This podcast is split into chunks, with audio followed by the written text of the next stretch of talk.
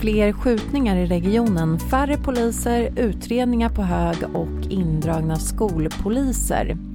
När lokalpolisen inte räcker till får vardagsbrotten stå tillbaka. Stall isoleras, tävlingar ställs in och fler sjuka hästar kan tvingas avlivas när intensivvården inte har plats. Så drabbas länets hästägare när ett smittsamt hästvirus härjar. Till sist ska vi tipsa om en massa roliga saker att göra under sportlovet för dig som är kvar i stan. Missa inte det. Du lyssnar på Stockholmspodden från mitt i Stockholm med mig, Sandra Eriksson. Bara en liten del av alla vardagsbrott klaras upp i Stockholm. Många läggs åt sidan utan någon utredning. Det visar en granskning som Mitt Is reporter Lisa Bonniksen har gjort. Lisa, du är med oss här i studion idag. Mm. Berätta, vad är orsaken till att utredningarna samlas på hög på det sättet? Ja, kort och gott kan man väl säga att det är för få poliser som har alldeles för mycket att göra. Och när det är för mycket att göra så måste ju poliserna prioritera och då prioriterar man ja, naturligt grova brott framför andra brott. Polisen kallar det mängdbrott, vi kanske kallar det vardagsbrott, ja, men som inbrott, bedrägerier. Ja. Hur många poliser är det idag? Ja, det beror på lite hur man räknar. Eh, det man kan se är att eh, den, de uniformerade poliserna, de som man ser ute, ja. de eh, har minskat. Enligt facket, polisfacket som jag pratade med senast igår så var de runt tusen poliser förr som var uniformerade ute på stans gator och nu är det runt 450-500 stycken. Så det är en halvering ja, av de synliga poliserna. Vad säger facket om det här? Ja men de säger så här, äh, eller idag är alla eniga om att det finns en polisbrist och att det måste till fler poliser. Facket har ju känt till det här väldigt länge och de är sura över att det görs lite väldigt sent. De har ju flaggat för att de vill ha mycket pengar ja, för många år sedan. Ja, till de har ju, att rekrytera fler då? Eller? Ja men de har ju sett riskerna, eller det är precis som händer nu. Det är just att mm, utredningar läggs på hög, vardagsbrott, man, man hinner inte med vardagsbrotten och man hinner inte heller med den brottsförebyggande verksamheten.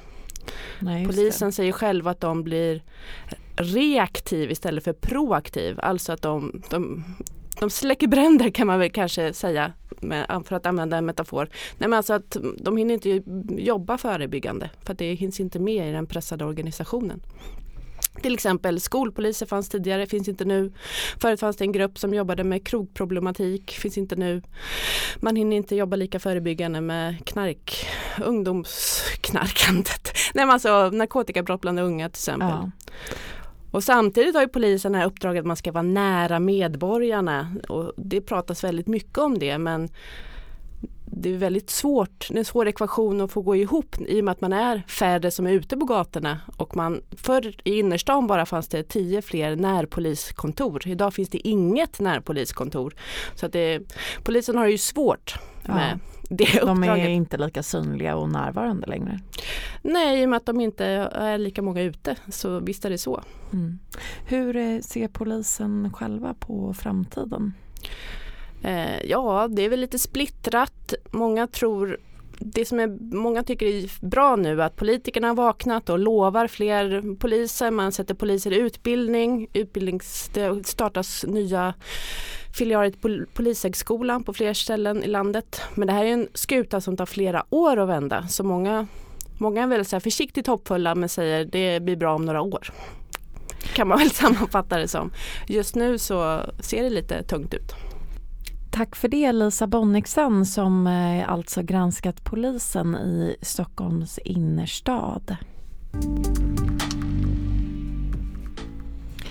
Det smittsamma herpesviruset EHV1 som sprids bland hästar har slagit hårt mot länets hästägare och stallanläggningar de senaste veckorna. Många hästar har insjuknat och flera har tvingats avlivas. Och än är faran inte över. Vi har med oss Anna Alexandersson, reporter på Mitt i Täby som eh, rapporterat om det här. Var upptäcktes eh, smittan först?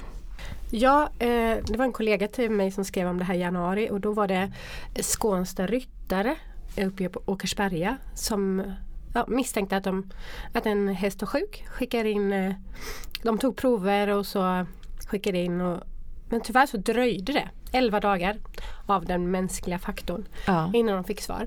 Och eh, det kan väl vara en anledning till att det har nu smittan har spridits som på det sättet i deras stall men också till andra ställen.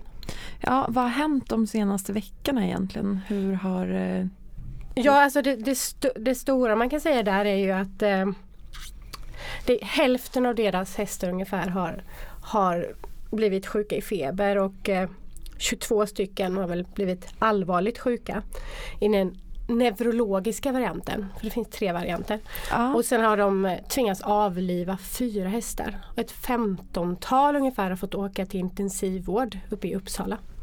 Alltså det brukar vara den här allvarligaste varianten brukar kanske vara 2 till 5 fall i Sverige per år. Och nu har det då varit så många i ett- ett enda stall. Sen är det ett stall på Värmdö som har drabbats, något uppe i Uppsala trakten och ett till i Österåkers kommun. Eh, men nu, det som har hänt är ju att eh, hästfolket har ju isolerat sina anläggningar. Man åker inte ut eller in med hästar för att skydda sig mot smitta och det är sättet man, man har gått ut med att man ska skydda sig. Ridsportförbundet gick ju förra veckan ut med eh, ett tävlingsförbud som ska gälla fram till eh, 7 mars tror jag det är. Och blir inte läget bättre så lär det väl förlängas. ja, så man eh, gör en massa åtgärder för att stoppa smittan då? Ja, alltså det här är ju eh, hästägarnas och hästbranschens värsta mardröm om det här fortsätter att spridas i den takten som det har gjort nu. Vad, vad säger hästägarna själva? Eh, en av de eh, eh, hästmänniskor som vi har pratat med uppe i Skånsta Ryttar då, som var först med att drabbas, eh, ridskolechefen där. Eh, hon beskriver läget i sitt stall nu som en krigszon. Att de kämpar mot ett osynligt hot. Och intensivvården har inte plats för fler hästar? Ja, alltså uppe i Uppsala då på Universitetsdjursjukhuset eh, så har de åtta isoleringsplatser för de här hästarna som blir så här sjuka. De måste isoleras och åtta platser är för alla sorters sjukdomar som behöver isolering. Vi har pratat med eh, eh, hästägare som har sagt att det är folk som har fått nej och då har de varit tvungna att avliva sin häst. Vi fick inte det bekräftat av klinikchefen på hästkliniken men eh, det är klart att hon sa att vi kan behöva säga nej till någon som ringer. Är det fullt så är det fullt. Eh, och då kanske du behöver vårda din svårt sjuka häst hemma. Frågan är, har man möjlighet till det? Skånsta går på knäna över alla hästar som de tar hand om. Eh, de måste isoleras. Det är 600 kilo häst som inte kan stå för att i den värsta varianten så blir de förlamade. Så de behöver hjälp och eh, dricka, äta eh, och för att kunna dricka måste de kunna stå upp. Eh, de kan inte kissa för vitala organ blir förlamade. Eh, och flera av de här hästarna som nu är sjuka Även om de överlever så kommer de få väldigt lång tid för att re- rehabiliteras. Eh, och det är inte säkert att alla blir helt återställda så det kan bli fler som behöver avlivas. Och så just nu jobbar man i alla fall med att få stopp på själva smittan. Ja. Så får man se vad som händer framöver. Ja och det man gör då är det ju att man isolerar sitt stall, man eh, åker inte till veterinären om det är nödvändigt. Det var en elitryttare som jag pratade med som sa det, åk inte till veterinären om det inte är precis nödvändigt. För att du vet ju inte, det, det här smittan är ju lite som pesten. Du vet ju inte hur den kommer in i ditt stall. Eh, den kan komma med hovslagaren, den kan komma med din kompis som har en häst hemma som inte har ens fått feber än men som då smittar. Eh, det är nossmitta så att det är liksom ungefär som man nyser och hostar och så kan det komma in om du klappar och du har det på handen så kan hästen bli sjuk. Så alla de här yrkesgrupperna, tränarna som brukar ha liksom clinics och det kom hästar från olika håll för att träna och sen stjärntränade. Eh, nu åker de ut istället och det gäller alltså tvål och vatten precis som vanligt när det är förkylningstider. Eh, det gäller att tvätta rena kläder, inte gå mellan stallen. Eh, uppe i, i, i Täby, Täby ryttarsällskap, så där har de balja med desinfektionsmedel där man doppar sina ridstövlar innan man går in. Det är bara en sån mer praktisk grej som de gör då. Där har de ju inte fått in viruset vad de vet än. det jag förstod igår var väl att de inte hade sett några fler fall i Sverige och ett, ett verkar vara den här smittan verkar vara ganska isolerad till Stockholmsområdet då. Då får vi hoppas att smittspridningen stannar där. Tack Anna Alexandersson för att du kom och berättade om hästviruset som härjar i Stockholms län. Och nu några nyheter i korthet från veckan som gått med Johannes Lundberg. Och vi börjar i Upplandsbro där boenden natten till torsdag larmade om skottlossning.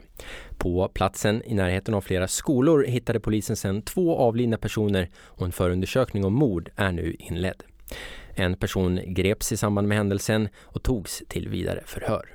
En manlig bussförare från SL åtalas nu för att ha våldtagit en kvinnlig passagerare. Övergreppet ska ha skett på en nattbuss i Västerort medan mannen körde bussen. Enligt åtalet ska han bland annat ha fått kvinnan att onanera åt honom samt utföra oralsex. I Huddinge kommun bestämde man sig för att släcka gatubelysningen 40 minuter tidigare på morgnarna för att spara in pengar. Men efter att Mitt i skrivit om släckningen och arga Huddingebor som fått leta sig fram i kolmörker till jobbet gör kommunen nu en helomvändning. De har nämligen bestämt att gatubelysningen ska tändas och släckas som förut igen. Och så kan vi berätta att Barkarby i Järfälla blir först i Europa med självkörande bussar. Det meddelade SL i veckan och hoppas samtidigt på att få igång bussarna som ska gå på sträckan Barkarbystaden till Akalla T-banestation till och med år 2020. Nu är det bara dagar kvar till sportlovet och eh, för dig som blir kvar i stan kan det vara bra att veta vad du kan hitta på. Vi har tagit in Allt om Stockholms redaktör Erik Thorsson till studion. Berätta, vad, vad finns det att göra under sportlovet? Ja, det finns ju en hel del. Um, vi har museerna, Naturhistoriska, Satsar stort på lovet som vanligt. Eh, redan eh, nu, fredag den 22, så har man kvällsöppet där man släcker ner eh, hela museet och man kan gå och titta på samlingarna med ficklampa. Och sen har de eh, djur och naturfoton från hela världen som man ställer ut hela veckan.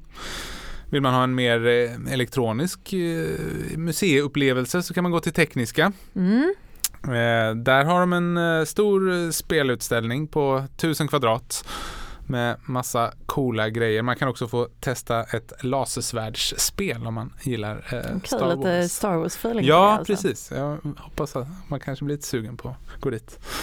Um, och så um, om man vill ha lite mer vintrig men ändå in i stan-aktigt så uh kan man gå på um, skridskodisco på Skansen. Uh, och Skansen öppet hela veckan 10 till 16 och där har de mer saker att göra. Okej. Ja, om man är inne på de lite sportigare aktiviteterna, finns det någonting mer man kan hitta på då? Ja, vi har satt upp en eh, utmärkt guide till eh, skidbackarna för trots att snön, eh, värmen nu har varit ganska hög de senaste dagarna så har snön klarat sig rätt bra i backarna. Så att vi har gjort en guide till alla skidbackar i närheten av Stockholm. Det finns, jag räknade upp till tio skidbackar inom bara två timmar två timmars färd härifrån så man kan ta bilen och sticka iväg. Eller en buss, det går ju buss till många ställen. Så om man går in på altonstockholm.se sportlov så hittar man hela vår sportlovsguide där. Det låter ju perfekt. Mm. Eh, vad, mm, lite närmare, vad händer i helgen? Ja, om man inte vill göra typiska sportlovsgrejer så man skulle ju kunna, eh, om man känner sig väldigt tursam, försöka få ett bord på Gastrologik, eh, stjärnkrogen som nu blev ännu mera stjärnrik i veckan. De fick sin andra Michelinstjärna. Eh, så nu i stan finns det då en trestjärnig Franzén, eh, två, två tvåstjärniga Waxen och Gastrologik och sen ett helt gäng med en stjärna i Michelinguiden, då den här finaste restaurangguiden som finns. Det finns ju också mer. Man kan eh, gå på, på Fotografiska. De har en ny utställning med, som är väldigt speciell. Okej, vad, vad händer där då? Ja, men det är en fotograf som, som har tagit bilder på folk som är väldigt lika kändisar i väldigt märkliga miljöer. Man kan se Donald Trump få en spraytan. Eh, man kan se Angela Merkel och François Hollande eh, ligga på en björnfäll ihop. Men det är ju inte de, men det ser ut som dem. Ganska häftiga bilder. Ja, det låter ju spännande minst sagt. Eh, en Donald Trump eller lyxiga middagsupplevelser Mm. kan vara något för helgen. Och sen, jag kan slänga in ett ti- tips till, vill du höra det? Ja, Mm. kör på. Eh, det kanske är mitt favorittips. Jag vet inte varför jag glömde det. Men, men det är mm, eh, klubben Common People på Debaser. På lördag har de eh, en specialkväll för alla som älskade filmen This is England. Som ju handlar om England i början på 80-talet. Eh, jag gjorde det i alla fall. Huvudpersonen Thomas Turgoose kommer dit och spelar skivor som inspireras av filmen. Så man kan väl räkna med rätt mycket ska och reggae och postpunk och lite britpop kanske. Ja, är du ett This is England-fan vet du alltså vad du ska göra i helgen. Tack för det Erik Thorsson. Det var allt vi hann med den här gången. För fler nyheter surfa in på mitti.se och glöm inte att prenumerera på podden så riskerar du inte att missa någonting. Du har lyssnat på Stockholmspodden från Mitt i Stockholm med mig Sandra Eriksson.